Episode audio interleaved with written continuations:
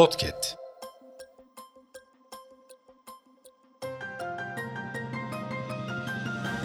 Merhaba, Para Bandı'na hoş geldiniz. Ben Büşra Kapan.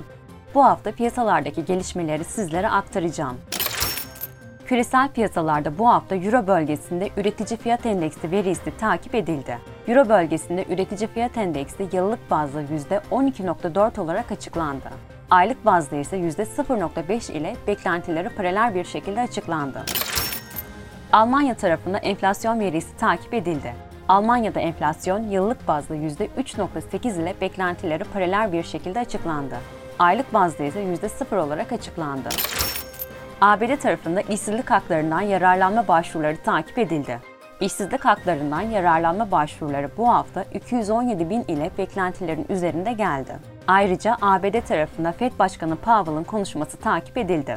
Fed Başkanı Powell, Fed yetkililerinin enflasyondaki yavaşlamadan memnun olduklarını söyledi.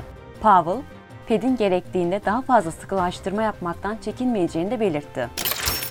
Haftanın bir diğer önemli gelişmesi ise kripto paralar tarafında yaşanan yükselişler. Lider kripto para birimi Bitcoin hafta içerisinde 38 bin dolar bandına yükselerek rally yaşadı.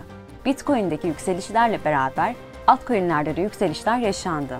Ethereum 2137 seviyesine kadar yükseldi.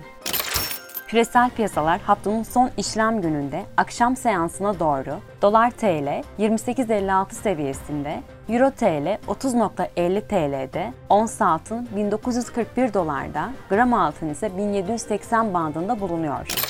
Haftanın önemli gelişmelerini öğrenmek için para bandını takip etmeyi unutmayın. Hoşçakalın.